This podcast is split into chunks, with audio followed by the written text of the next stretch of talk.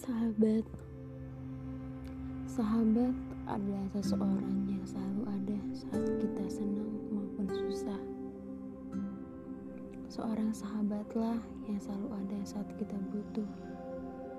Jarak tidak menjadikan alasan untuk menjadi saling beda Sahabat bukanlah mereka yang memiliki banyak persamaan.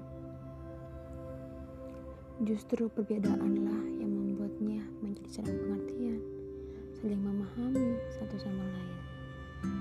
Dulu kita selalu bersama. Dulu seorang sahabat berawal dari orang tak saling kenal. Terus berkomunikasi, saling ngobrol. Akhirnya mereka dekat dan selalu bersama. Namun, ketika sama-sama sudah saling dewasa, mereka harus berpisah untuk mengejar cita-cita mereka demi masa depan mereka masing-masing.